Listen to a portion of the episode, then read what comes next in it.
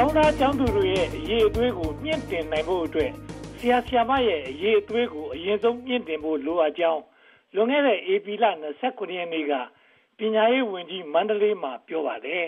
။ကိုပိုင်ကျောင်းကဆရာဆရာမအရေးအသွေးမြင့်တင်ရေးတလသင်တန်းဖွင့်ပွဲမှာပြောကြားသွားတာဖြစ်ပါတယ်။အစိုးရကျောင်းပုဂ္ဂလိကကျောင်းပညာသင်ဘုန်းကြီးကျောင်းစတဲ့ကျောင်းတွေမှာဆရာဆရာမအရေးအသွေးမြင့်တင်ရေးဟာရွေချက်နံပါတ်1ဖြစ်တယ်လို့ဆိုပါတယ်။ ဆရာအားကိုးတဲ့အလွတ်ကျက်ပညာရေးစနစ်ကျင့်သုံးလာတာလည်းကြာလာပါပြီ။မြန်မာပြည်ရဲ့ကိုလိုနီခေတ်ပညာရေးဟာကမ္ဘာအဆင့်မီပညာရေးဖြစ်ပါတယ်။အရှိတောင်အာရှမှာတင်ရှားတဲ့တက္ကသိုလ်တွေထဲမှာရန်ကုန်တက္ကသိုလ်ပါဝင်ပါတယ်။ကျွန်းပညာရေးလို့နိုင်ငံရေးသမားတွေခေါ်လို့ရှိတဲ့ကိုလိုနီပညာရေးစနစ်ကဘွဲ့ရထားသူတွေဟာလွတ်လပ်ရေးရတော့ရန်ကုန်တက္ကသိုလ်မှာဆရာဆရာမတွေဖြစ်လာကြပြီးစစ်ပြီးခေတ်မျိုးဆက်တွေကို ကမ္ဘာအဆင့်မီအောင်ပညာသင်ကြားပို့ချနိုင်ခဲ့ပါတယ်။ပိုကျော်အောင်ဆန်းတဲ့အမျိုးသားခေါင်းဆောင်တွေဟာကိုလိုနီခေတ်ကဘွဲ့ရသူတွေပါ။အရေးအသွေးမကျဆင်းအောင်နှစ်ပေါင်းများစွာအဆက်မပြတ်ကြိုးပမ်းကြရပါတယ်။မဆလာအာနာရှင်ဗိုလ်ချုပ်ကြီးနေဝင်လက်ထက်1962ကစပြီးမဆလာအစိုးရဆင်းပေးရပြီးစေအစိုးရတက်လာတဲ့1988အထိပညာအရေးအသွေးတဖြည်းဖြည်းကျဆင်းလာပါတယ်။ 1988နောက်ပိုင်း အနှစ်20ကျော်မှာ ပညာရေးကဏ္ဍဟာ စစ်အစိုးရရဲ့ အဖြည့်ခံတစ်ခု ဖြစ်လာပါတယ်။နိုင်ငံရေးဥတီချက်အတွက် ပညာရေးကို လိုသလို အသုံးပြုတဲ့အချိန် ဖြစ်ပါတယ်။အရေးအသွေး ကျဆင်းချိန်မှာ အရေးအတွက် များပြားလာပါတယ်။1988မှာ တက္ကသိုလ်ကောလိပ်32ခုသာ ရှိပေမဲ့အနှစ်20ကျော်အတွင်းမှာ182ခုအထိ တိုးပွားလာပါတယ် ဒီတက္ကသိုလ်တွေမှာ သွားရောက် ပညာသင်ကြားရတာဟာ ခက်ခဲတဲ့အတွက် အဝေးရောက်တက္ကသိုလ် တက်ကြတာများပါတယ်။၂၀၁၅ စာရင်းအရ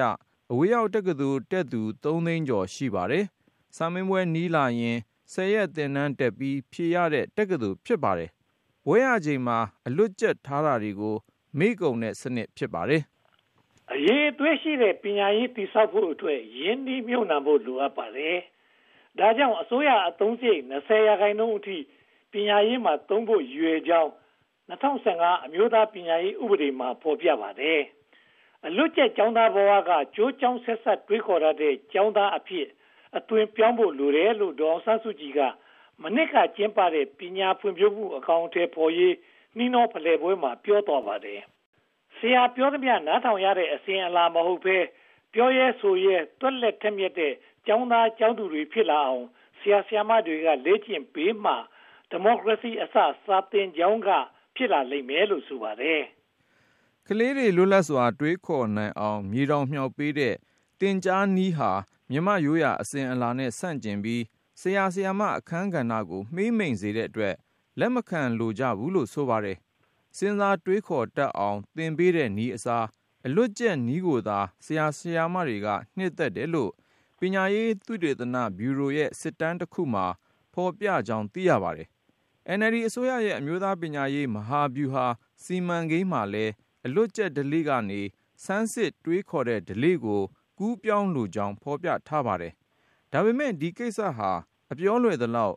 လက်တွေ့လုပ်ဖို့ ခက်ခဲနေပုံရပါတယ်။အရေးအသွေး တိုးတက်ဖို့အတွက် နှစ်ပေါင်းများစွာ ကြာနိုင်ပါတယ်။အရေးအတွက်ကတော့ နှစ်အနည်းငယ်အတွင်း တိုးပွားလာနိုင်ပါတယ်အစိုးရရဲ့ပညာရေးအသုံးစရိတ်တိုးပွားလာတာကတော့သိတာပါတယ်ဦးသိန်းစိန်အစိုးရလက်ထက်မှာပညာရေးအသုံးစရိတ်၄ဆလောက်တိုးပွားလာပြီးအစိုးရရဲ့အသုံးစရိတ်9ရာခိုင်နှုန်းဖြစ်လာပါတယ်ဒါပေမဲ့တိုင်းပြည်အသတင်းထုတ်လုပ်မှုရဲ့2ရာခိုင်နှုန်းသာရှိပြီး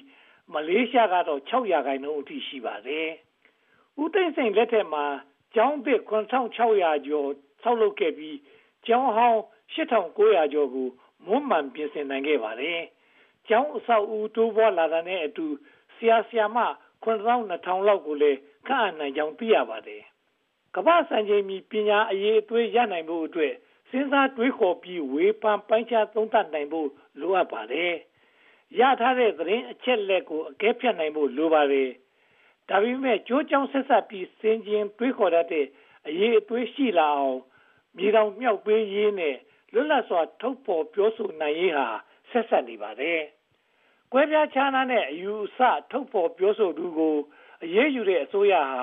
ကျောင်းသားတွေ ဆင်ရင်တွေးခေါ်တတ်အောင် လုပ်ပေးနိုင်ပါမလားဆိုတာကတော့ စဉ်းစားစရာ ဖြစ်နေပါတယ်ခင်ဗျာ။